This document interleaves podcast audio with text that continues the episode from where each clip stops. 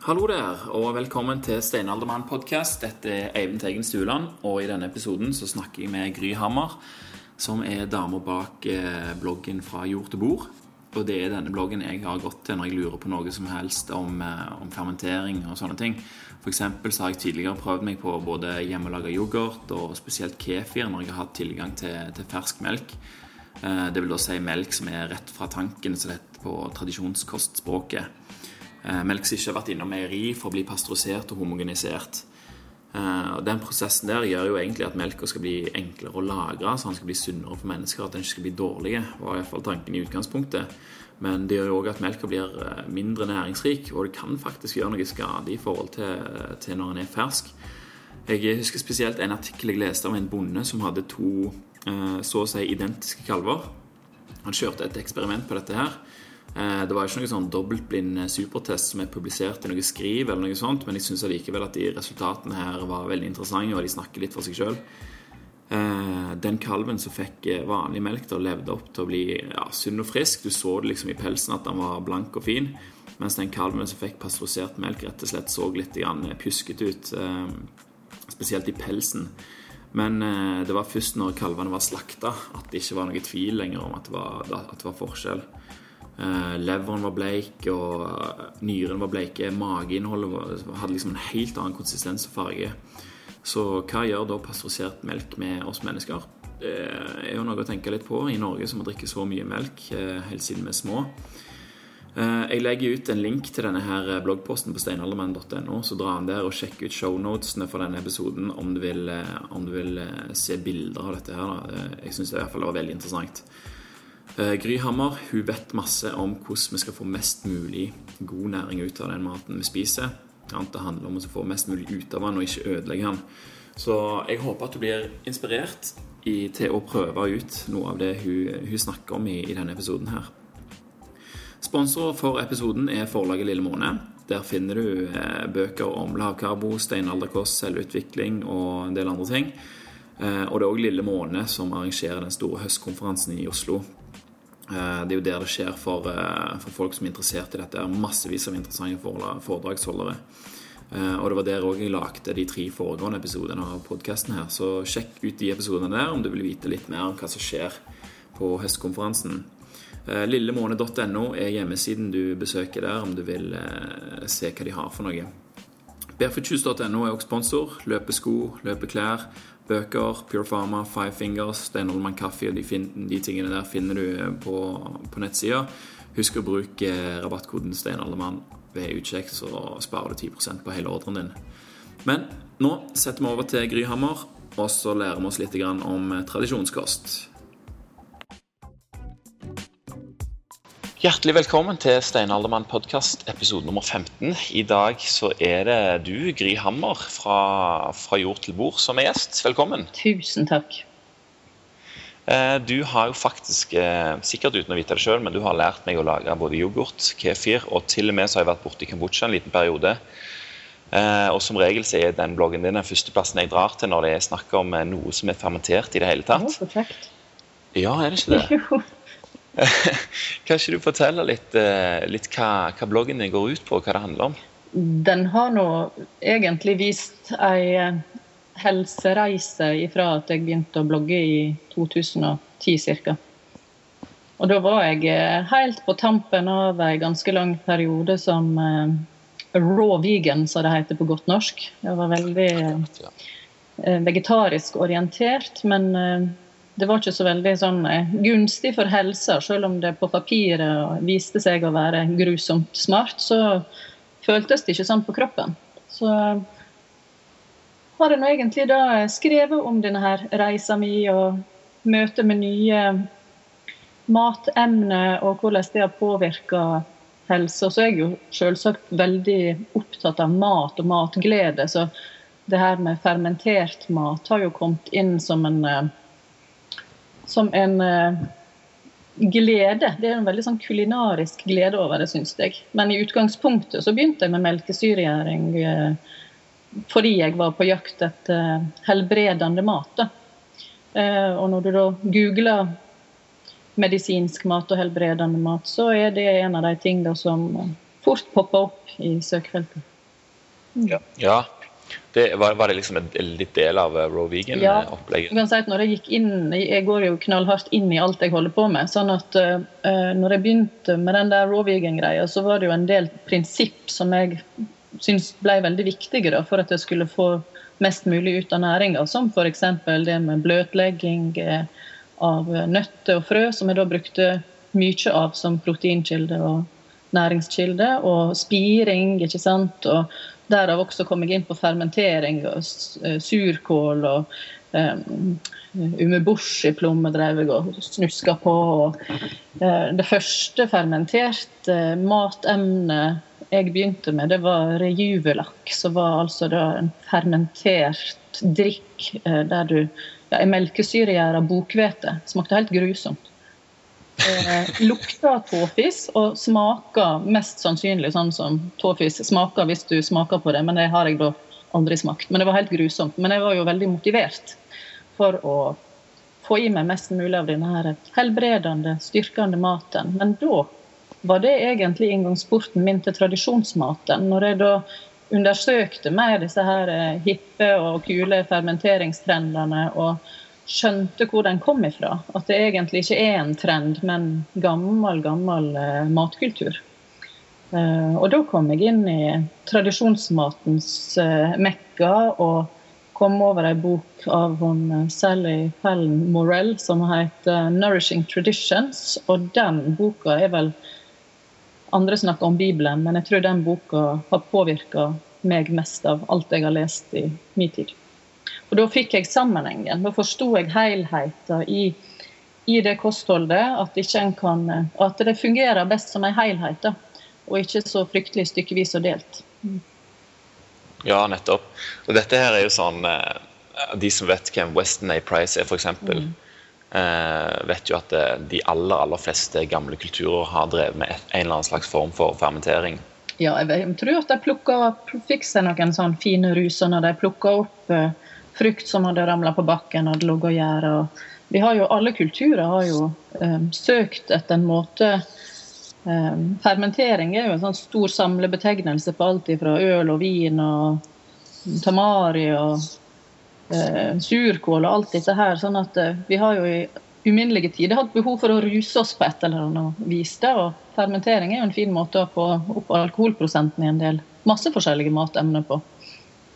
Ja, så det er jo klart at det Vi har vært motivert av mange.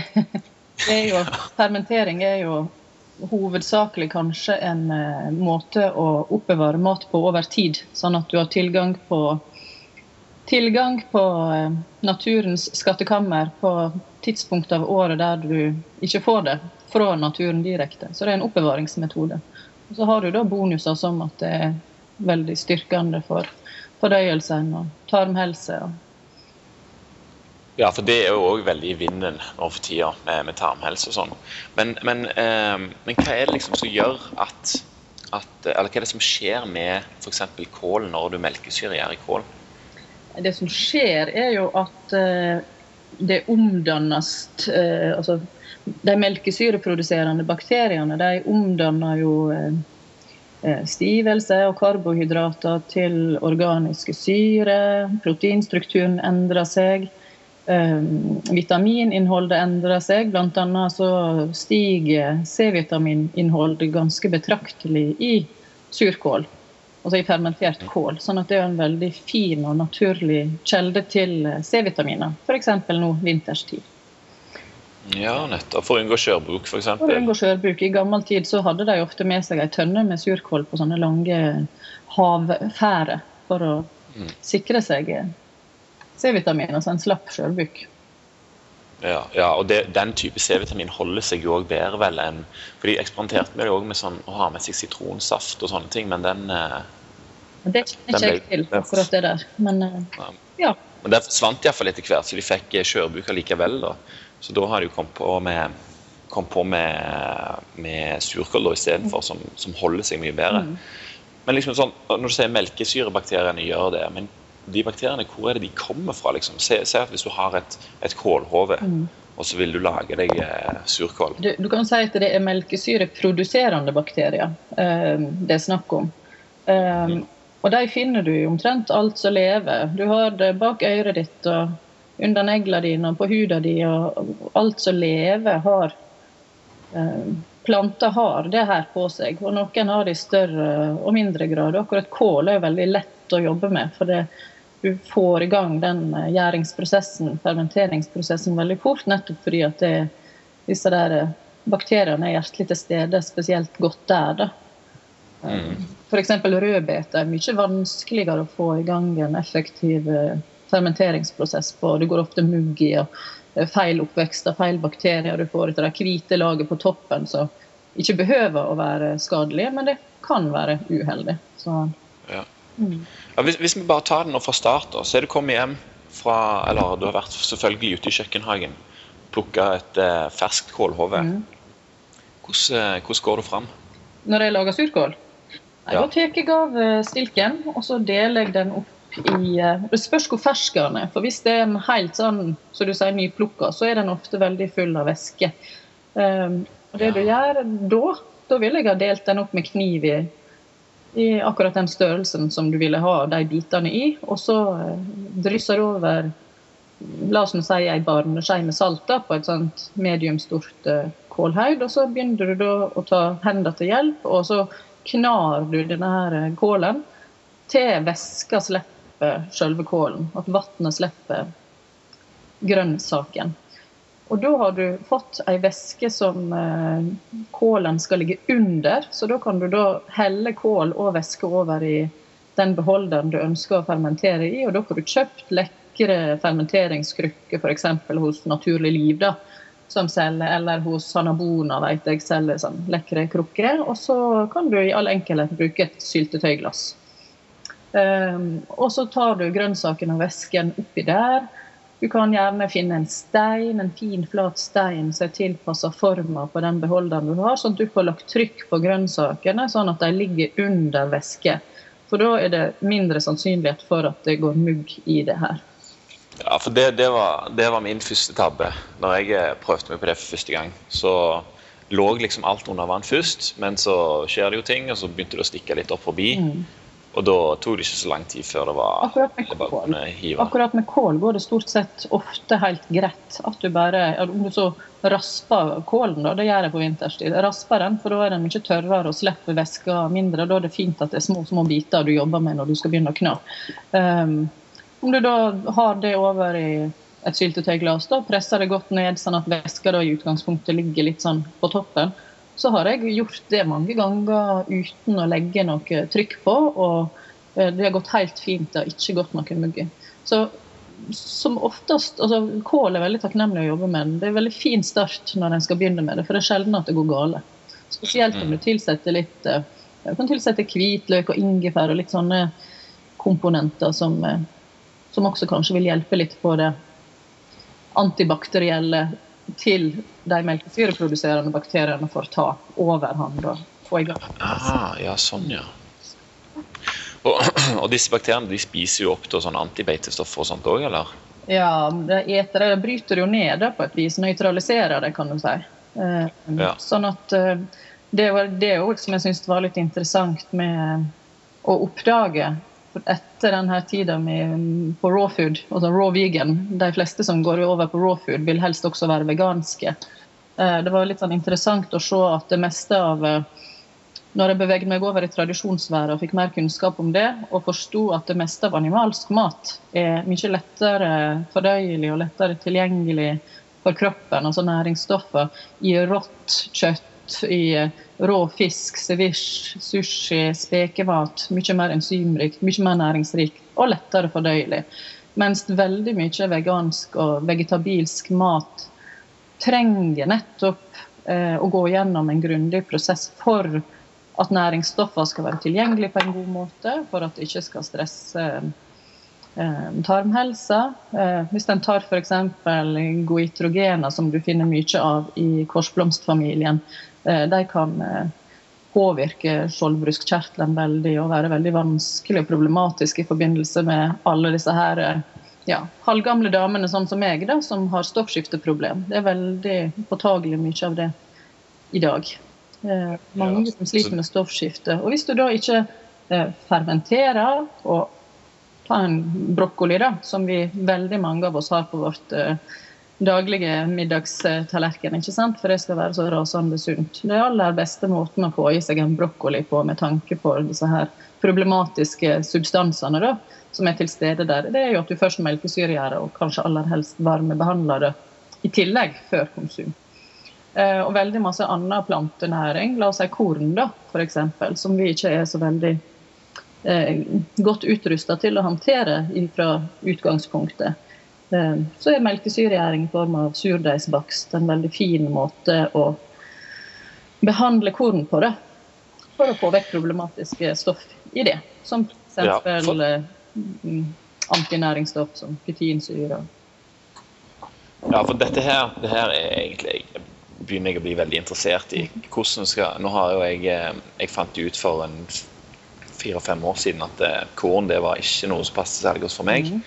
Da har jeg egentlig bare holdt meg unna det. Men så begynner jeg jo nå å savne det litt, spesielt nå i jula når vi hadde masse sild og sånne ja. ting. Så bare hei, jeg skal bare spise dette med gaffel. Eller jeg skulle ønske jeg hadde ei skjeve å ha den på. Ja. Eh, så er det en vei rundt, liksom. Jeg tåler ikke brød i det hele tatt, egentlig. Jeg blir helt satt ut et par dager hvis jeg, eh, hvis jeg har spist det. Det er jo det er en vei rundt. Det, altså, vi er jo veldig forskjellige alle sammen. Så jeg kan ikke sitte og ha noe å si at alle kan ete, ete brød og korn hvis det er melkesyregjæra. Det er litt sånn individuelt hva en, hva en syns fungerer på kroppen også. Men uh, du kan si at uh, Eh, et surdeigsbrød som jeg gjæra Jeg bruker alltid å la det gjære i minst 12 timer. Eh, gjerne opp til 30 timer. Men da blir det litt for spesielt interesserte, sånn at da blir nå jeg så tygger på det. Eh, det blir, Har du for deg sjøl? Ja. Det blir surere jo lenger det står. Jeg elsker jo den smaken, så for meg er det jo bare litt sånn Men det som skjer under den prosessen, melkesyregjæringsprosessen, er jo at glutenet blir nøytralisert. Altså det er ikke glutenfritt. Det er veldig mange som tror at, eh, at det er glutenfritt, men det er ikke det. Det er bare at glutenproteinet blir delt opp i gjæringsprosessen til mindre peptider. sånn at de skal ikke ha den negative virkninga når de skal rote seg gjennom tarmsystemet ditt, som et uh, eh, ubehandla glutenprotein er. Uh, ja, det, så det er liksom pre... prefordøyd, da, kan du si. At den gjæringsprosessen har allerede fordøyd det litt for deg, så du har fått ekstra drahjelp der. I tillegg så har du uh, i skallet på alt, alle korn, så har du jo da antinæringsstoff. Um, og de antinæringsstoffene oppfører seg veldig forskjellig alt etter hva slags type antinæringsstoff det er, men de binder seg til mineraler. Så um, f.eks. jern, jernopptak, eh, magnesium, kalsium. Eh, det, det, blir ikke så godt tilgjengelig for opptak i kroppen før det er gjerda i la oss nå si det, minst tolv timer. Mm. Men er det sånn at, eh, at, eh, at det binder jern og magnesium fra, fra kornet der, eller fra andre ting òg som du spiser liksom samme altså, dagen? Hvis du da, kanskje ikke nødvendigvis samme dag, men det du et og drikker til samme måltid. Mm. Så du får ikke noe optimalt uh, opptak av, uh, av disse her mineralene. Og de næringsstoffene som egentlig våre helsemyndigheter sier at vi skal spise fullkorn, for det ligger så masse næring i skallet, så er det veldig vesentlig at en behandler det på en måte som gjør at du faktisk kan ta det opp i kroppen din. For det er samme det hvor næringsrikt det er hvis ikke du greier å benytte deg av det. Ja, for det syns jeg er et veldig godt poeng. altså Nå når det er, det er liksom spis grovt og, og, og fullkorn, liksom så jeg knekker på med 100 fullkorn. Eh, og det inneholder så og så mye, men det står ikke hvor mye som faktisk kommer ut igjen. Ja, det som jeg ofte hører, da, det er altså, atopisk eksem sånn hos barn det er veldig vanlig i dag. Veldig vanlig. Ja, det har datteren min. Eh, og når jeg sier at hvis du sørger for at ikke du gir ungene dine nøtt og frø før de er nærmere tre år, um, og at du ikke gir dem korn før de er rundt året, og hvis du da skal introdusere det, pass på at det er bløtlagt lenge nok i riktig miljø, eller melkesyregjære. Og da forsvinner ofte den problematikken. Jeg opplever at det, Å sørge for å få i seg nok skikkelig fett, f.eks. Veldig viktig for eh, for, eh, som, som, preventivt på det her med det her eksemet som ja. Ja, for det, det er skikkelig eh, Det er liksom litt altoppslukende når, når ungen din har fått eh, atopisk eksem, så forsvinner nattesøvnen og det meste, egentlig. Vi har jo klart å tøyle det litt, kan du si. Mm. Å, men vi har jo bare ikke gitt korn eller noe, noe slags kornmat. Og så er det mange andre ting også som vi holder hun vekke fra. Mm. Men, eh, men, det er helt klart at hun har fordeler av å få dette her eh, probiotiske bakteriene. da. Ja. Og så tenker jeg også at eh, jeg mener ikke at det er veldig viktig å ete korn.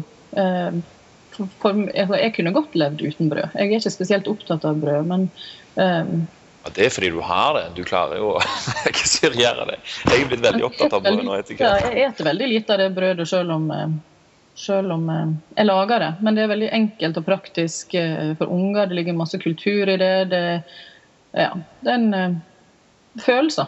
Brød, det daglige brød det er masse følelser i det. Jeg skal ikke tulle med det. Så, ja, nei, der, der, ligger min motivasjon òg. Altså, spesielt dette her med i barnehagen, liksom, hva alle andre spiser. og og sånne ting, At det kan være greit å være en del av gjengen. Ja, ikke sant. Av og til, altså Det er ikke noe mål for meg å oppdra mine unger til at de skal bli som resten av seg i flokken. Nesten tvert imot. Men av og til så, så Man kan jo føle litt med dem også. En trenger ikke være helt uh, særing. Ja, helt, ikke, veldig, veldig ber om å få lov å være like sær som mora, ikke sant? Ja. Nei, sant? Så, så, det som jeg ser, da er at det, det hadde vært greit om de kunne spise brød. Og hvis de først skal spise brød, hva er da den beste måten å gjøre det på? Mm. Ja, det er, som gir mest næring og minst skade. Ikke sant? Og Da er det jo utvilsomt melkesyregjøring. Der er jo en del som hevder at de ikke klarer å få det inn i kosten, ikke klarer å få det til. Ungene nekter. Men det, jeg, jeg, kjøper ikke den. Det mener jeg handler om uh, ledelse. Familieledelse. Ja, Da får de ta og fermentere litt bokhvete. Altså, altså begynne, ja, så tenker jeg at Du kan begynne forsiktig. Hvis du vil introdusere melkesyregjæring eh, og du har eh, et eh, vrangt materiale å jobbe med i form av unger som ikke liker smaken, sånn, så kan du begynne forsiktig. Du kan jo f.eks. ta en litt sånn juksevariant i starten, der du tilsetter melkesyre altså du tilsetter en surdeigskultur i deigen, og så kan du også tilsette en bitte liten ja, Rive av et lite hjørne fra en fersk blågjær. ikke sant? Og så lar du det stå i fire timer istedenfor i tolv timer. ikke sant? Sånn at du kan gradvis tilvenne deg at det smaker litt surt, og så litt surere. og ja, Sånn gradvis tilvenning, sånn at en har muligheten til å akseptere det da på sikt. Mm. Uh, og uh, det, som, det, som, jeg tror er problemet for mange her, da, er jo at de faktisk må gjøre noe som tar litt tid. Altså Det tar ikke lang tid å lage selve deigen, men mm du må liksom passe på den da i tolv timer. og, og sånne Du trenger ikke passe på den i det hele tatt, men det som jeg bruker å si, er at den største eh, Jeg tror at jeg bruker mindre tid på mat nå enn jeg gjorde før. Men det som tok tid i starten, det var å omstille seg opp i hodet. Altså, mm. Å komme inn i rutinene. Ja, sant? for altså, å sette på ei kraftgryte kvelden før, så, eller lage en sånn her leirgryte der du putter oppi noe kraftbein og litt eh, urter og sånn. Det står jo å lage seg sjøl. Så kan du stå på svak varme. Du trenger ikke gjøre noe annet enn å bare mekke det sammen. Men du må gjøre det kvelden før istedenfor å stå, en, stå fra fire til fem på en ettermiddag. ikke sant? Og så er det mm. klart. Så det er noe med at du bare har skrudd hjernen om til å tenke at den deigen må du sette tolv timer før istedenfor én time før du skal bake den ut. Så det tar ikke lenger tid. Det er bare at du må komme på at du skal gjøre det litt før enn det du ellers ville gjort. Ja, du må trene deg rett og slett på å tenke litt fram i tid. Ja, planlegge litt bedre. Men du bruker jo ikke mer tid. Det fins jo ikke noe så enkelt som å lage surdeigsbrød. Jeg bruker tre minutter på å sette deigen, og så står den der og passer seg sjøl. Og så heller den over i tre former, og så står det der i en time eller to etter heva, så steker du det. Så det er forbausende enkelt når den først har kommet i det. Men jeg husker jo sjøl i mitt første møte med surdeig, så var jo jeg veldig sånn Jeg har en tendens til å overkomplisere ting. og ja, mating av surdeig starter. Det virker så komplisert, men det er jo ikke verre enn at du bare rører inn litt mel og vann og lar det stå. Det er jo ja, så er det jo ofte sånn at uh, i begynnelsen, så, når vi ikke er helt klar over hva, hvordan det egentlig funker, så vil vi liksom følge oppskriften slavisk. Ikke og så etter hvert, så, så, når du forstår liksom hva som foregår, så klarer du å, å legge det til. Men hvis du leser f.eks. i eh, denne fermenteringsboka mi, så gir jeg jo en veldig sånn slavisk framgangsmåte på de forskjellige tingene. Så det er kanskje greit å lære seg grunnprinsipper, sånn at de sitter. Og så er det jo bare fantasien som hindrer deg i å, gjøre alt mulig slags artige sprell med maten deretter. Ja, det er nettopp det. Men sånn, kan, vi, kan vi ikke ta en liten sånn uh, skritt for skritt, eller ABC pleier du vel å kalle det inn på bloggen, Mhm. uh, med surdeig? Ja, For å kunne bake et surdeigsbrød, så du, må du ha en surdeigstarter. Og det er jo bare en uh, masse som består av mel og vann og disse her bakteriene som må være til stede for at du skal kunne kalle det en surdeigskultur. Og det er jo en blanding av melkesyreproduserende bakterier, som sagt, som, som, eh, som må til. Eh, og de lever, Og de de lever på stivelsen i kornet. Og når de da har et opp all den stivelsen, så blir da den blandinga ganske sure og tyntflytende. Og hvis ikke du da mater den på nytt med en ny runde med vann og mel, så dør jo disse her bakteriene stille og vakkert hen, fordi de rett og slett ikke har mat lenger. Så det er det man snakker om når man skal mate en surdeigstarter. Så må du mate han noenlunde jevnlig, jevnlig for at eh, disse bakteriene skal være aktive og potente og gjøre en god jobb når du da skal sette en deig. Og så er det da tilsett eh, ja, et par spiseskeider med surdeigstarter, mengde mel og vann og raspa grønnsaker kan du ha i. eh, Litt linfrø, masse salt. Jeg er veldig glad i salt. Må, må du ha i brød. Ja, det må du ha i brød. Og så må du da bare røre dette der i hop, og så lar du det stå. Si at du setter deigen på kvelden, og så står det til neste dag til omtrent samme tidspunkt. Sett igjen klokka ti om kvelden, og så heller du det over i tre brødformer klokka ti neste formiddag, og så har du brød klokka ett. Det høres jo ikke Det er vanskelig ut i det hele tatt. Det er veldig enkelt. Ja. Mitt mål er også å få kona mi veldig interessert i dette her. Kanskje du må eie oppgaver sjøl. Hæ? Kanskje du rett og slett er nødt til å eie oppgaven sjøl. Ja, jeg må nok det. Jeg har mange andre, mange andre matoppgaver i, i heimen, så jeg tenker sånn Fem tett brød, liksom, melkesyrebrød, det, det kan passe for deg. Men vi får se, da. Det er noe med at hvis hun blir fortalt at det passer for henne, det er mye bedre hvis hun hadde Ja, funnet ut av det sjøl. ja det, der, der har du godt poeng. Veldig godt poeng. Ja. Eh, Så det er altså surdeigsbrød. Det, det høres ikke vanskelig ut. Men og, når du har denne surdeigstarteren, det er liksom basen din som du bruker til alle dine brød. altså bare tar litt av den hver Ja, mange opererer med fin og grov surdeigstarter, men det, det orker ikke jeg å holde på med. Det, litt, det går litt på kapasitet også, og hva som er praktisk og enkelt. Og Den der surdeigstarteren min den syns jeg er så strålende fin at den kan jeg bruke til både å lage ei eplekake med, og jeg kan lage grove brød, og jeg kan lage pannekaker med den. og- Så jeg har én starter som jeg passer på pleier vakkert, og bruker den til alt. Hvor, ofte, er det du mater den, da? Du, det varierer. Hvis du velger å, å eh, bruke kjøleskapet som sånn lagringsstasjon, det er det mange som gjør. For hvis du, ha, hvis du har den ute i romtemperatur Alle disse her bakteriene trives i romtemperatur i ulike grader, da, alt etter hva slags kultur det er snakk om. Eh, Men eh, velger du å ha den på kjøkkenbenken i varme hele tida, så vil de jobbe veldig flittig, så du må mate den i alle fall annenhver dag. Hvis du velger å la den stå ute hele tida. Um, sånn som mange gjør det, eh, er at du kanskje baker en gang i veka. Eh, la oss si at du skal bake hver søndag, da, at det er bakedagen din. At du har lyst til å sette en deig om morgenen, og så bake og steike det om kvelden. Da ville jeg ha tatt ut uh, surdeigstarteren, som du da ville ha lagra i kjøleskapet. Tatt den ut kvelden før du skulle sette deigen, fredagskveld, nei, lørdagskveld. Og så mater du den da med en ny runde med mel og vann.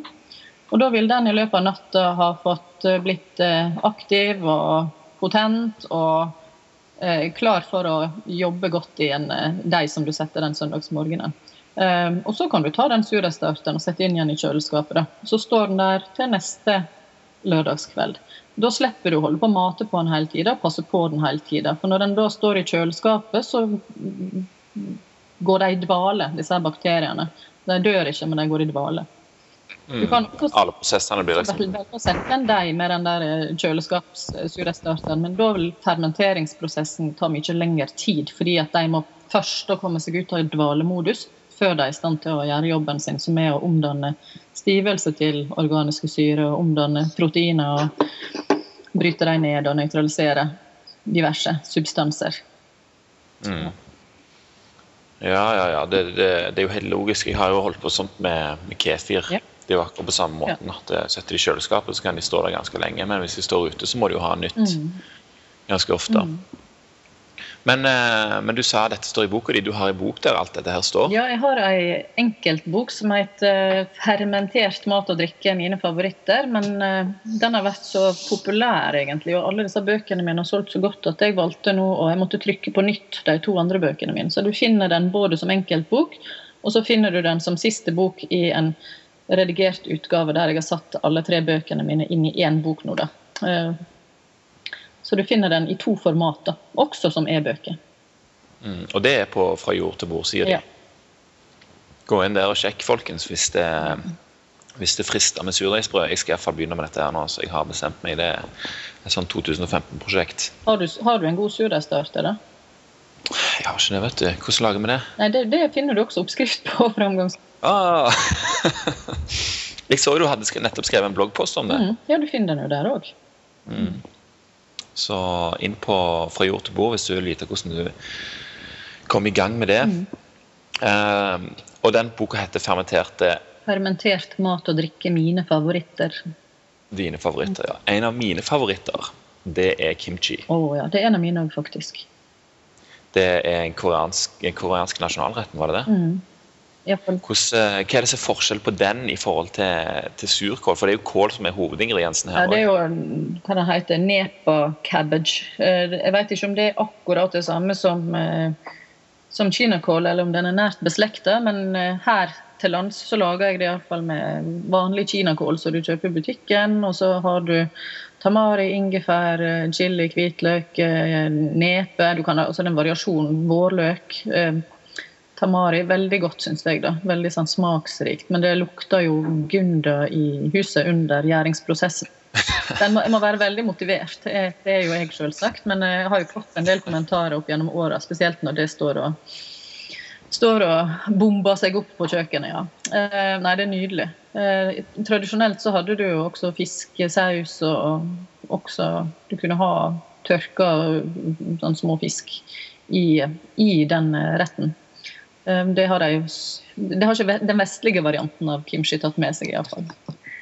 Det, det er litt for mye Gunda, rett og slett? Ja, men den blir jo da selvfølgelig ekstra næringsrik. Den, eh, den som også har eh, animalsk tilsnitt i seg. Men eh, jeg lager den også. Jeg har av og til fiskesaus i. Da er det jo å gå på en eh, sånn her eh, internasjonal matbutikk. Da, og Der finnes det jo veldig mange fiskesauser med veldig mange rare ingredienser som jeg ikke ønsker å ha i meg, iallfall sånn MSG-stoff. Men uh, du finner noen som er ganske rene. Så det er det man må jakte på da, hvis en ønsker å lage kimchi med, med litt animalsk uh, fiskesaus i, f.eks. Mm. Og fiskesaus det er vel egentlig bare gjæra, gjæra fiskefett? Gjæra fiskeguffe. Det... Guffe, ja, faktisk. Det hørtes fantastisk ut. Men det gir en god smak. da. De bruker det jo i absolutt alt i kinesiske kjøkkener. omtrent. Nei, jeg syns det er nydelig. Jeg lager det ofte. Steker bacon og har egg til lunsj, og så har jeg en dash med kimchi til. Det syns jeg er helt nydelig. Mm. Men det, det, er da litt, litt, mer avansert å lage en uh, En surkål. Surkål? Jeg vet, ja, Det er jo flere ingredienser, da, så det vil jo ta litt mer tid å forberede. Men eh, akkurat hvis du får tak i en eh, frisk kinakål, så tar det jo mye kortere tid å kna den for at den skal slippe væske. Så kanskje, den du, kanskje du tar igjen den tida som du bruker på å kutte på, på knaing, sånn at det blir omtrent likt. Ja. ja, uansett. altså Om det tar fem minutter lenger, så spiller jo ikke det noen rolle hvis du har lyst på kimchi. Synes jeg. Nei, Folk tror dette er fryktelig komplisert, men det er noe av det enkleste du kan drive med. Ja. Så det er bare å hive seg rundt og begynne. En annen ting som du, som du, nevnte, det var dette her med bløtlegging ja. av, eh, av, både er det både korn, frø og nøtter du kan gjøre det med? Ja, Du bør jo helst gjøre det med alle de tingene for at du skal få tilgang på, på næringa. Spesielt eh, har jeg fått hørt fra mange folk i det her lavkarbomiljøet som har holdt på med frøbrød og, og tar seg en neve med nøtter hist og her. Det er mange som rett og slett sliter med magen. Mm. Ja, for det er jo fytater og antibeitstoffer i disse tingene her òg. Så, så, med en gang eh, disse her eh, hardgarva lavkarbosjelene begynner å gjøre det som vi tradisjonelt har gjort, nemlig å bløtlegge det i forkant, og tørke det da, ikke sant, hvis du ønsker å ha sprøtørka mandag f.eks. og ha det i veska eller i, med deg på tur, så er det jo Ja. Du må bløtlegge det helst. altså Nøtter og frø liker salt miljø for at du skal bryte disse her stoffene mest effektivt. Og legger du da f.eks. en pose mandler da, i saltvann, vann så du tilsetter litt salt, eh, sånn at du skaper det salte miljøet, og så lar du det stå i ja, 12-24-48 timer. Hvis du lar det stå veldig mange dager, så bør du skifte vann underveis, sånn at ikke det ikke blir eh, surt og trasig. Så tørker du det, da, enten i ovnen eller i en dehydrator. Det bruker jeg ofte. Jeg liker veldig godt. Mm. Og da er det, er det samme, omtrent samme nøttene, bare at de er mye mer De er mer sprø. Sånn at uh, de, de, er mer sånn uh, crispy. Um, så jeg syns det alltid er mye bedre når du gjør det, smaksmessig og konsistensmessig. Men så har du også da tilgjengelig de næringsstoffene som du har i. I så, så da får du hele pakken, rett og slett? Mm. Ja, det er ikke dumt. En annen ting også som jeg så eh, som er litt aktuelt nå, eller kan iallfall være aktuelt å begynne å planlegge det, det er dette her med sånn urter og vekster og brennesler og sånn. Det kommer jo nå på det er jo omtrent det første som kommer på våren. Hva rutiner har du for, eh, for sanking av sånne ting? Eh, jeg rutine. Jeg går nå ut med en gang disse her eh, brennesleskuddene popper opp. Ja. De bruker jeg eh, ganske mye. Eh, favoritten her er vel brenneslesuppe. Jeg bruker ofte å ta en neve i surdeigsbaksten for å øke Det er veldig mye magnesium bl.a. i, i brennesle. Så jeg bruker det ofte til suppe, til brødbakst og så te. Som base til smoothie, f.eks. kan du bruke det. Men Tørker du det først, da, eller tar du det bare? Begge deler.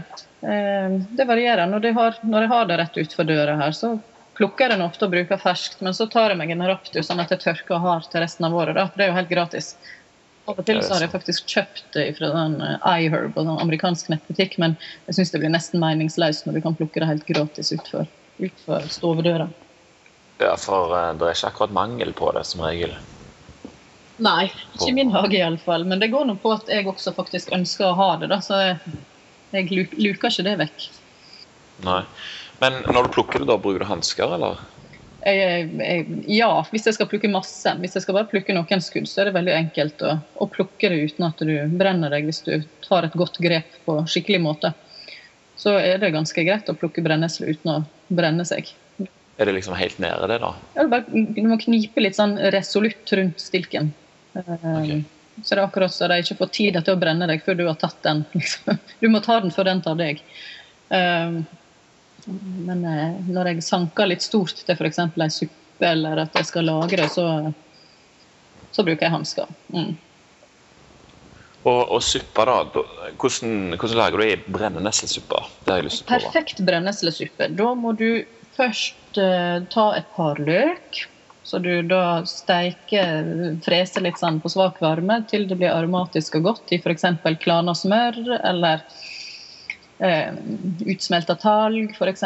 Og så, eh, når du kjenner at det begynner å lukte godt uten at det er brent ut av det, så tilsetter du litt eh, ingefær og hvitløk.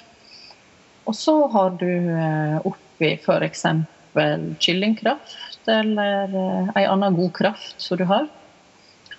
Og så hiver du oppi brenneslene, og så lar du det stå igjen. Fem-ti minutter. Og så bruker jeg På, på kok, da, eller bare sånn? Ja, på, det står ikke fosskoker, det kan jo stå opp til kokepunktet. Småsimre.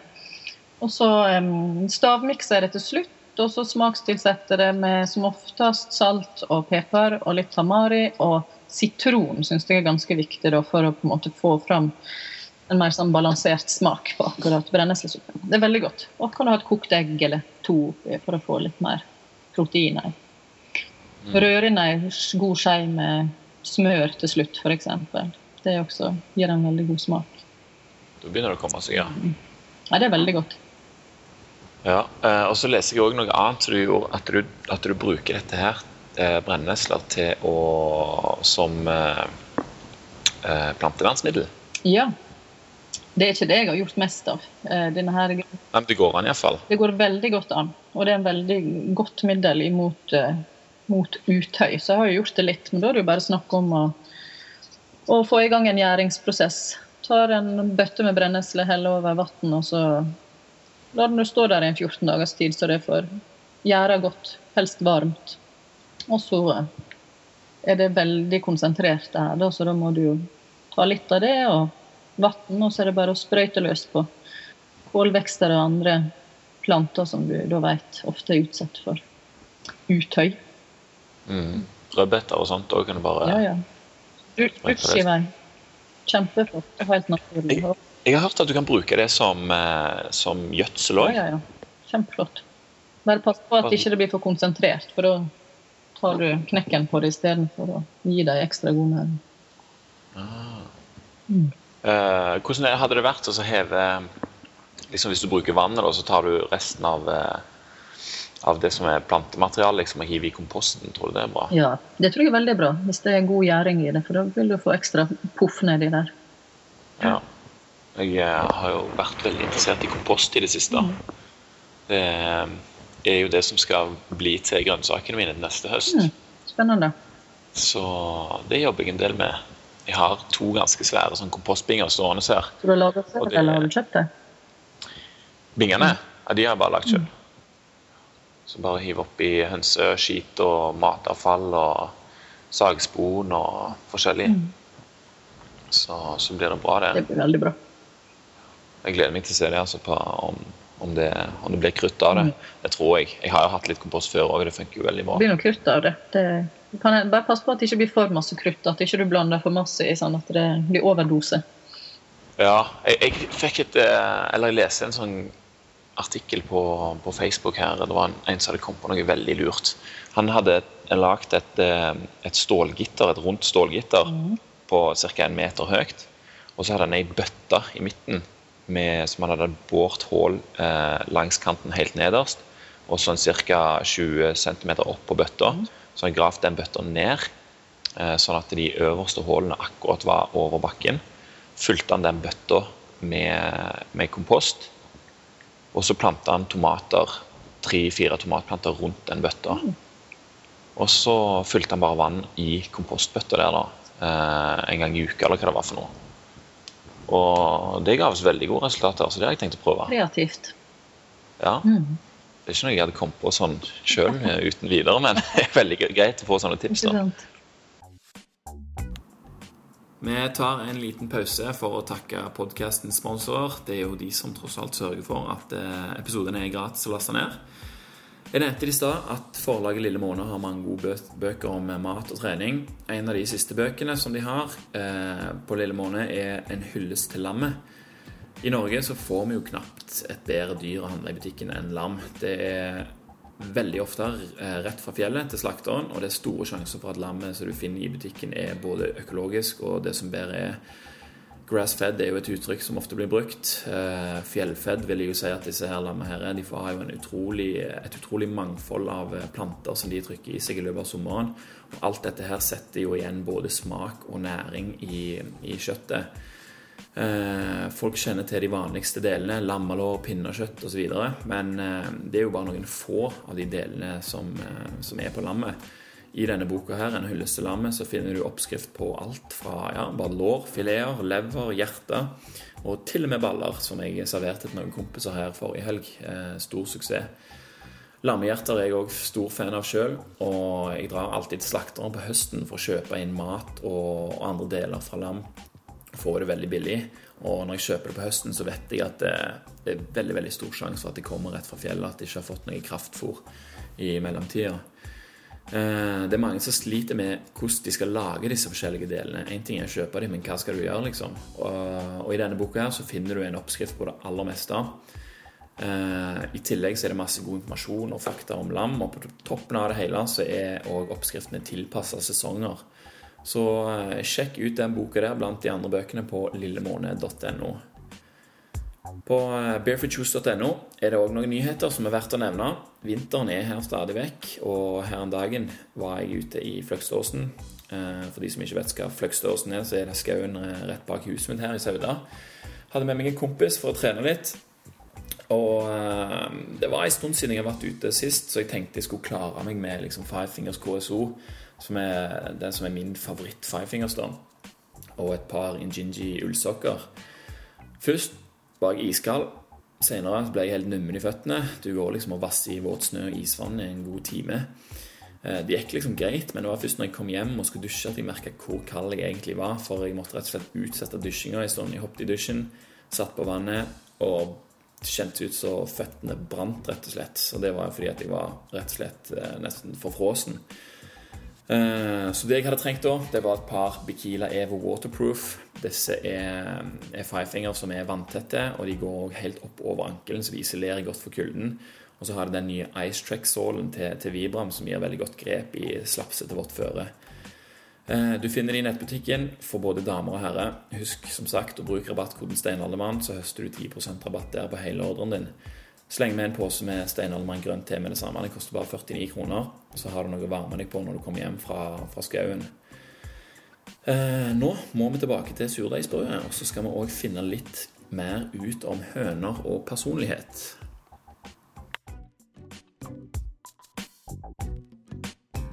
For de som har fulgt, uh, fulgt med deg på Instagram, mm. så vet jeg at du òg har ei uh, huslig høne som liker seg inne. Skal jeg fortelle deg noe? Ja, det kan du godt. Du. Nei, så trist. da. Reven tok henne før jul. Men jeg levde i fornektelsesfasen i faktisk ei uke før jeg innså at hun var død. Ja, Var han død? Du fant den ikke? Var han vekke? liksom? Det, alt er min feil. For jeg valgte å Jeg husker jeg tenkte nå må jeg gå ut og lukke for hønene.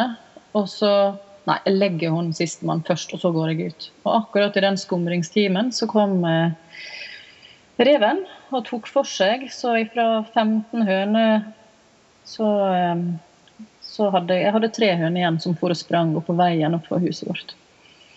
Og feige hane, far, han lå og gjemte seg i sin vakre pryd i et skur for seg sjøl. Så fra nå av så heter han bare Fegisen.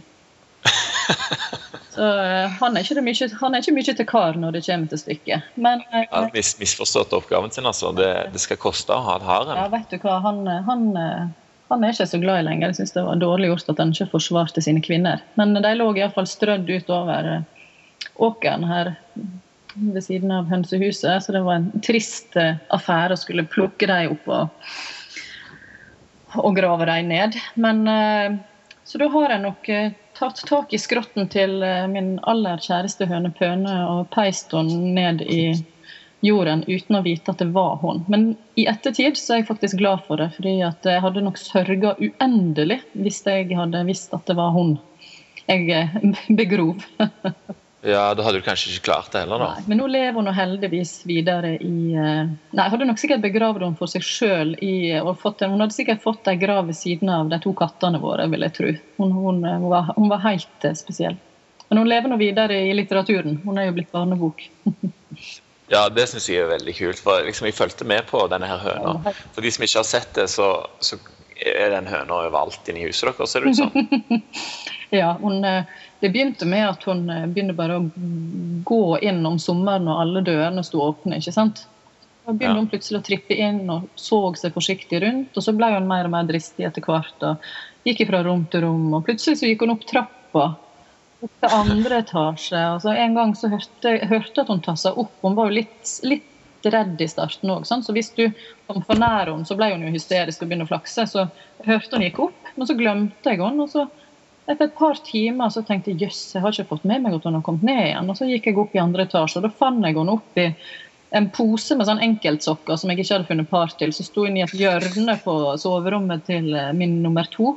Der lå hun og hadde lagt sitt egg. Så fint. Ja, ja, ja. Og derav så, derifra så fortsetter hun med det. Det ble en sånn innarbeida rutine for henne som ble jo helt eh, febrilsk hvis hun ikke fikk komme inn. ikke sant? Stilte seg opp i vinduskarmen på, foran eh, på verandaen og så sto og banka med nebbet på stoveglasset. Eller hun stilte seg opp på Hvis det sto på kjøkkenet, så hoppa hun opp på et sykkelstyr. For vi har syklene stående utenfor kjøkkenvinduet. Så stilte hun seg opp der og så på meg. da.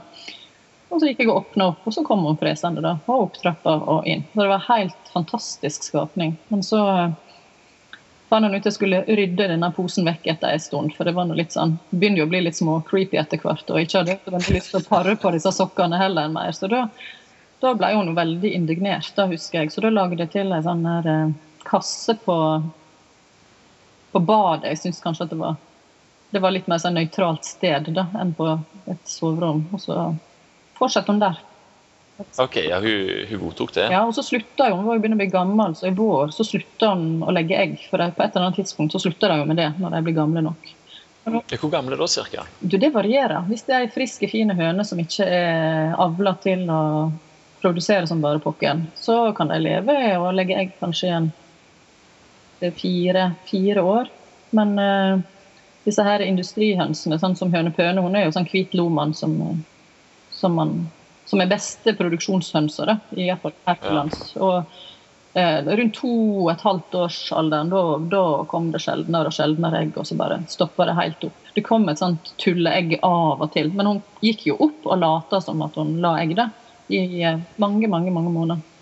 Gikk opp og mimra? Ja, gikk opp og la seg der, fast rutine, og så hoppa hun ned etter en stund. og liksom hadde lagt egget sitt, og så sprang hun og for hun uti.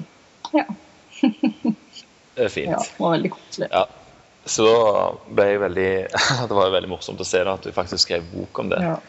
Så den skal jeg faktisk kjøpe til mine unger, for det, det er bra. Det er jo veldig en veldig koselig historie. Ja, det er det.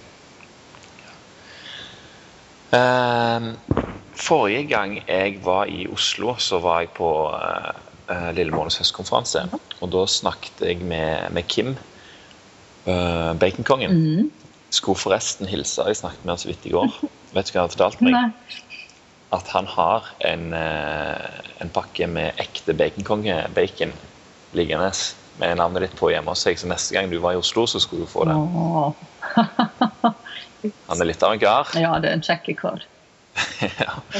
Men det, det, som vi gjorde, vi satt på bakrommet der og snakket, og så var det noen i bakgrunnen der som eh, snakket om at eh, du og hun skulle slakte fem griser. Ja.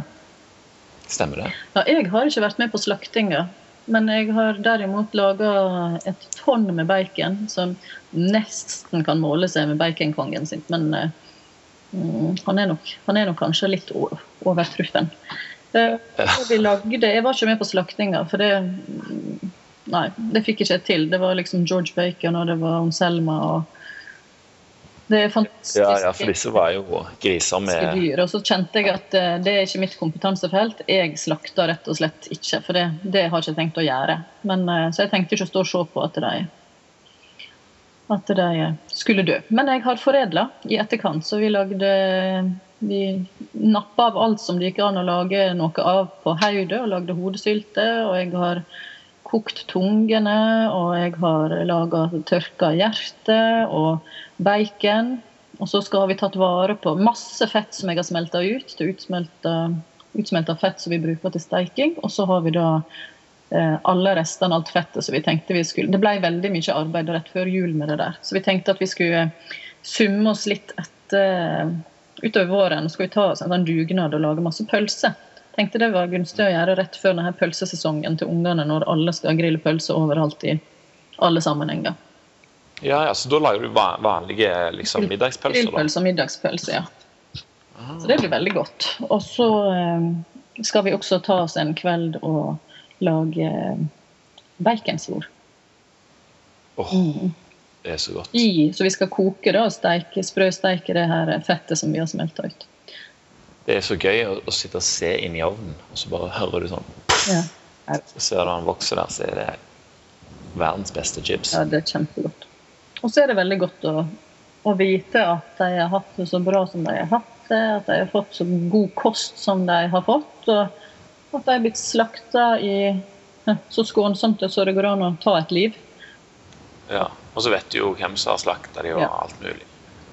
Uh, og det, det syns jeg er en sånn helt Sånn skal være. ting å gjøre. Ja, altså Folk tenker at det her må jo ta enormt mye tid og, og bla, bla, bla. Akkurat det prosjektet tok masse tid. Det gjorde det, for de eter altså som elefanter. Så det var jo et uh, enormt prosjekt for han som faktisk tok på seg den jobben og fôre dem opp.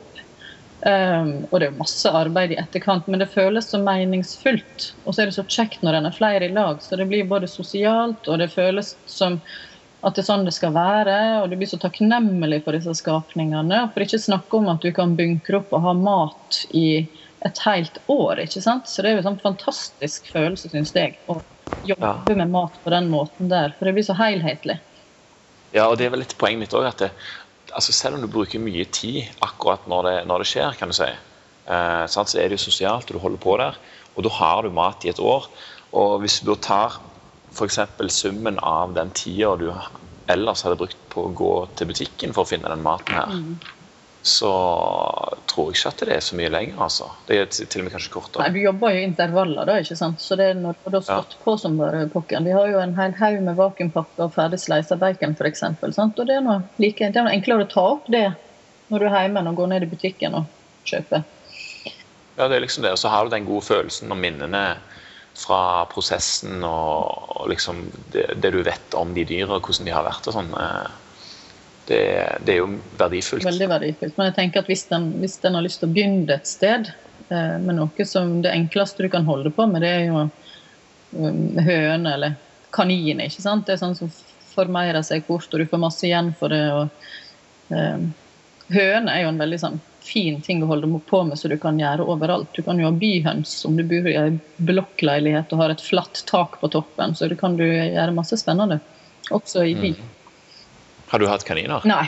Jeg har bare tenkt mye på det. Men jeg kjenner jo folk som har det, og ser hvor enkelt de formeirer seg, og det er godt kjøtt, og det er masse Ja, du har det nært ved hånden, da. Ja, og så er de jo så enormt flinke til å utnytte gras, f.eks. De er så veldig flinke til å utnytte gras. Ja? Det blir jo kjøtt av gras, rett og slett. Så sånn sett så er det jo veldig, veldig lett å finne mat til dem, da. Ikke sant? Nei, jeg, jeg, har tenkt på det at jeg skal ha kaniner i, i år, altså. Så det gleder jeg meg til. Og Det syns jeg òg har det aller aller beste innmaten i kaniner. Den er veldig sånn mild på smak. Mm. Eh, til og med leveren smaker Greit? ja, ikke bare greit, men den er knallgod. Mm. Og det er ikke alle lever som er Nei, det er jo en grunn for at jeg ønsker å få det der tørka lever i kapselprodukter på markedet. For det, det, det er ikke alle som er like motivert for å ete eh, mye lever, og meg sjøl inkludert. Jeg har jo tørka lever og kapsler og spist som kosttilskudd i årevis. Altså du gjør det sjøl? Ja, ja. Tørker i dehydratoren. og så Sleiser og tørker i dehydratoren, og så knuser jeg i blenderen og kjøper tomme gelatinkapsler. Så det har jo vi hatt som næringstilskudd i vår familie i, i mange år. Ungene mine liker lever, så, eh, så jeg lager det jo så ofte som jeg, som jeg kan. fordi at det er viktig næring, og de syns det er godt. Og så tygger jeg tappert og et store biter. Så det er litt morsomt, for jeg snakker veldig varmt om lever, men jeg liker ikke det sjøl. Men jeg insisterer, jeg insisterer, på å ete det. Fordi det nettopp, ja. er, fordi det nettopp er veldig viktig næringsstoff i, i, lever som vi trenger. Som vi virkelig trenger. Spesielt unger. Ja, det er jo litt som tran. altså Det er jo ikke kjempegodt, men du vet jo at det gjør bra. Ja, Iallfall hvis det er skikkelig tran. Ja, og det var mitt eh, neste poeng. Hva er skikkelig tran, Gry? Jeg er veldig, veldig vrang der. Så jeg har hatt en del sånne her eh, diskusjoner på akkurat det der med tran. Men for meg må den være melkesyregjæra hvis den skal være optimal. Den eh, eneste Og da får du også disse her naturlige A-vitaminene og D-vitaminene som jeg mener er kanskje det viktigste med tran. Eh, og kjøper du Møllerens tran, så er jo den raffinert og varma opp under trykk i så stor grad at disse vitaminene i stor grad forsvinner. Og så blir de tilsatt i syntetisk form i etterkant. Sånn at den, ja, ja. Så den D-vitaminen i tran er ikke fra selve torskeleveren? Nei, det er mulig der er litt igjen. Jeg vet ikke hvor mye som forsvinner under den prosessen, men det blir iallfall tilsatt i etterkant for at det skal nå opp dit. Eh, om de da bruker D3 eller om de bruker en annen type eh, D-vitamin, det, det, kan ikke jeg si noe om. Så jeg skal ikke snakke stygt om, om, om det. Men det eneste ja, Så jeg kjøper melkesyregjæra tran fra Green Pescure. Den får du jo kjøpt enten via amerikansk netthandel via nettet, eller, eller så vet jeg at også f.eks. Duggur selger den. Så det er veldig Veldig næringsrikt. Men jeg kjøper aldri den som er ren olje, da, fordi at jeg, for å unngå en eventuell harskningsproblematikk, så kjøper jeg alltid den eh, fermenterte fiskelevra som er blanda med smørsyre. For da vil den, det metta fettet i smørsyren vil, eh, vil beskytte imot harskning. av Mm. Ja, for det er det som er så fantastisk med metta fett. Ja, den har At det funksjoner. Det som er litt interessant å høre, det er at eh, jeg har fått mange tilbakemeldinger fra folk som følger bloggen min om at de i lang tid har tatt høydose D3 f.eks. Eh, Opptil 5000 IU i eh, lang tid uten at det har påvirka D-vitaminstatusen. Men etter kort tid med nettopp den her melkesyregjæratranen, der du får det helt naturlig, helt intakt, men gjøre, så har det skjedd noe på veldig kort tid. Så har jeg fått opp D-vitaminstatusen på veldig kort tid. mm. Ja, for uh, uh, nå er det jo rett før uh, skreisesongen Mm. er i gang. Og da får du som regel kjøpt, uh, kjøpt torskelever. Mm. Og 100 gram med torskelever gir omtrent helt tett opp under 5000 internasjonale enheter Mm. med, med vitamin D. Og, og lever fra torsk, det smaker jo ingenting. Eh, sånn som eh, lever fra lam eller reinsdyr eller elg. Det er veldig sånn mild og god smak på den. Så en liten utfordring går ut der. altså Prøv, prøv dere på, på torskelever. Bare, eh, bare trekke det litt grann i vann med noe hvitløk og noe krydder. og noe sånt, så Trekker det til seg smak, og så eter du det som et kosttilskudd. Mm. Fantastisk. Ja. Faren min snakker alltid om at de spiste sånn eh, levradupp, som de kalte det. Altså sånn flesk og duppe, bare at det var med, med torskelever. da. Og Det, han har alltid gode minner fra det da han var liten. Så gjerne den må tilbake på banen. Ja, vi må få denne gamle maten ut igjen. Og det er, så- det er jo Ja. sånn med noen altså, Vi har jo forskjellige smaksløker, ikke sant? Det er jo som med innmat også. det er jo Noen typer innmat syns man smaker nydelig, og andre ting syns ikke er fullt så godt. Men en kan jo ete litt av det sjøl om ikke alt er like vidunderlig. Rett og slett fordi en vet, fordi en er fornuftige skapning, at det gjør godt. At det inneholder næringsstoff som vi faktisk trenger. Ja, så er det jo sånn som du sa med ungene òg, at du kan begynne forsiktig og litt og litt mer, så blir du vant med smaken, og så det, blir det gjerne en rutine til slutt. Ja. Og da, da har du det. Men det som er, det som er da, er at altså, det er jo grunnen til at jeg vil ha deg her på podkasten òg, for å fortelle litt om hvordan disse her tingene gjør. Og du kjører jo kurs på, på det meste av det vi har snakket om her. Ja. Melkesyregjæring er jo det som er det mest populære kurset jeg holder. Og det er jo selvfølgelig også fordi det er en trend i tiden. Og det er jo jeg veldig glad for at, at noe som er så godt og gjør så godt for kroppen, er moderne. Det er inn. Det er liksom også spådd til å være en av eh, dette årets eh, største mattrender med kraft som Kraft skal nå bli den nye smoothien, sies det. Fantastisk. Så det er jo fantastisk, ja. Så det er jo mest populære kurset jeg holder, det er jo det med melkesyregjæring. Og så holder jeg litt eh, barneernæring. Det å få mest mulig kraft og gelatin inn i kosten, det er også et ganske populært kurs. Så det er veldig kjekt. Ja, og disse kursene her, de, de ligger også inne på, på nettsiden fra, fra jordtilbord.no. Så ta en tur innom der hvis dere vil virkelig ta, eh, ta tak og lære mye om dette her. Så Og så er det jo mye en kan gjøre sjøl også. Og du finner jo mange oppskrifter og framgangsmåter på bloggen. Og hvis en har lyst til å gå litt dypere til verks og ha det mer sånn oppi handa, så er det bare å kjøpe bøkene. Og jeg har ikke oppdatert det. Jeg har en ganske sånn tett agenda framover med diverse prosjekter jeg holder på med. Så eh, jeg har ikke fått oppdatert denne kurskalenderen min på når jeg skal holde det neste kurset her hjemme. Det er jo disse hjemmekursene som er mest populære. mm. Og, hjem, eh, drar du hjem til folk, da, liksom? Nei, de, folk kommer hjem til meg. Å ja, sånn, ja. ja. Hun kommer fra land og strand for å komme hjem til meg og, og, og lage mat i lag med meg. Det er veldig kjekt. Ja, Det er jo helt supert. Det må være så gøy. Så da er det jo veldig kjekt for meg å ha alle mine ting ikke sant, tilgjengelig også. Så det er jo veldig sånn kos. Ja, ja, ja. Så slipper du å pakke og styre òg. Nå skal jeg snart til Bergen, og da blir jo kofferten full i surdeigsstørter. Ferdig oppmalt mel fra egen kornmølle og kraftbein som jeg skal dundre over fjellet med. Så, så det er jo klart at det er jo enklere for meg også å holde kurs hjemme. Det er det jo. Men, eh, det er jo kjekt å dra på tur òg. Ja, det er jo det. det, er jo det. Ut og treffe disse her folka som er interessert i det samme. Ja. Men hvordan er det da? Kan noen liksom eh, ringe deg og si sånn, du med noen venninner eller noen kompiser som har lyst til å, å lære om dette? liksom? Kan Ja, ja. Det er mange som Ofte så får folk eh, Det er mange som har lyst til å arrangere et sånt kurs, og da får de kurset gratis mot at de ja, reklamerer litt og samle en flokk og finne lokaler. og Hjelpe til å kjøpe inn litt ingredienser. ikke sant? Gjøre det litt lettere for meg dit jeg skal. Og så, og så vet jeg nå skal jeg til Bergen, og så skal jeg til Tromsø, og så skal jeg vel til Mo i Rana en tur i løpet av eh, våren. og så blir det et par kurs hjemme, og sikkert et par i Oslo. Ja. Artig. Ja, da har du det gående, Ja, da. ja, ja. Fantastisk. Eh, Dette her syns jeg var veldig, veldig interessant og, og lærerikt. Så tusen takk for at du ville stille opp og, og dele med kunnskapen din. Bare kjekt, det. Ja. Så eh, til alle dere hjemme der, så gå inn på Fra jord til bord hvis du har lyst til å, å lese mer om de tingene vi har snakket om, eller kanskje booke et kurs. Så blir 2015 et eh, fermentert år. Fullt i kraft og innmat. Fullt i kraft og innmat, ja. Helt klart.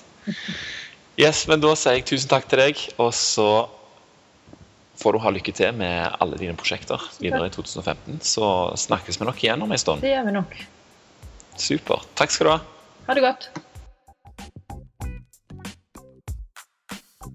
Tusen takk til Gry Hammer som ville dele sin kunnskap med oss på Steinermann podcast. Sjekk ut fra jord til bord om du vil dra på et av kursene hennes, eller sjekke ut noen av bøkene hennes. Og om du er seriøs på dette her med å prøve ut melkesyregjæring, så nevnte Gry tidlig i episoden at Naturlig Liv har eh, noen sånne fermenteringskrukker som er lagd for nettopp melkesyregjæring av grønnsaker. Det er fine, fine krukker med, med steiner som holder på plass grønnsakene. og liksom, Det er liksom et skikkelig opplegg for dette her, sånn at du er sikra et optimalt eh, resultat. Eh, jeg legger ut linken til disse her på shownotes for episoden på steinaldermann.no om du vil kikke litt nærmere på det. Ellers så er Pål Jåbekk og meg for tida veldig opptatt av søvn, og det kommer en episode om dette her i nærmeste framtid. Denne inkluderer massevis av tips om for, hvordan, du skal, eh, hvordan du kan forbedre søvnen din, i tillegg til en aldri så liten sleep challenge. Følg med på det. Og ellers vil jeg bare si tusen takk til deg som har hørt på. Eh, Kom gjerne med kommentarer og tilbakemelding. Eh, Legger du igjen en vurdering på iTunes, så blir jeg veldig glad. Da blir det òg lettere for andre folk å finne podkasten. Ellers så kan du følge med på Steinaldermann både på Facebook og Instagram. Og om du er en av de som liker Snapchat, så kan du legge meg til der òg. Der heter jeg selvfølgelig Steinaldermann. Da sier jeg bare tusen takk for denne gang, så ser vi på neste episode.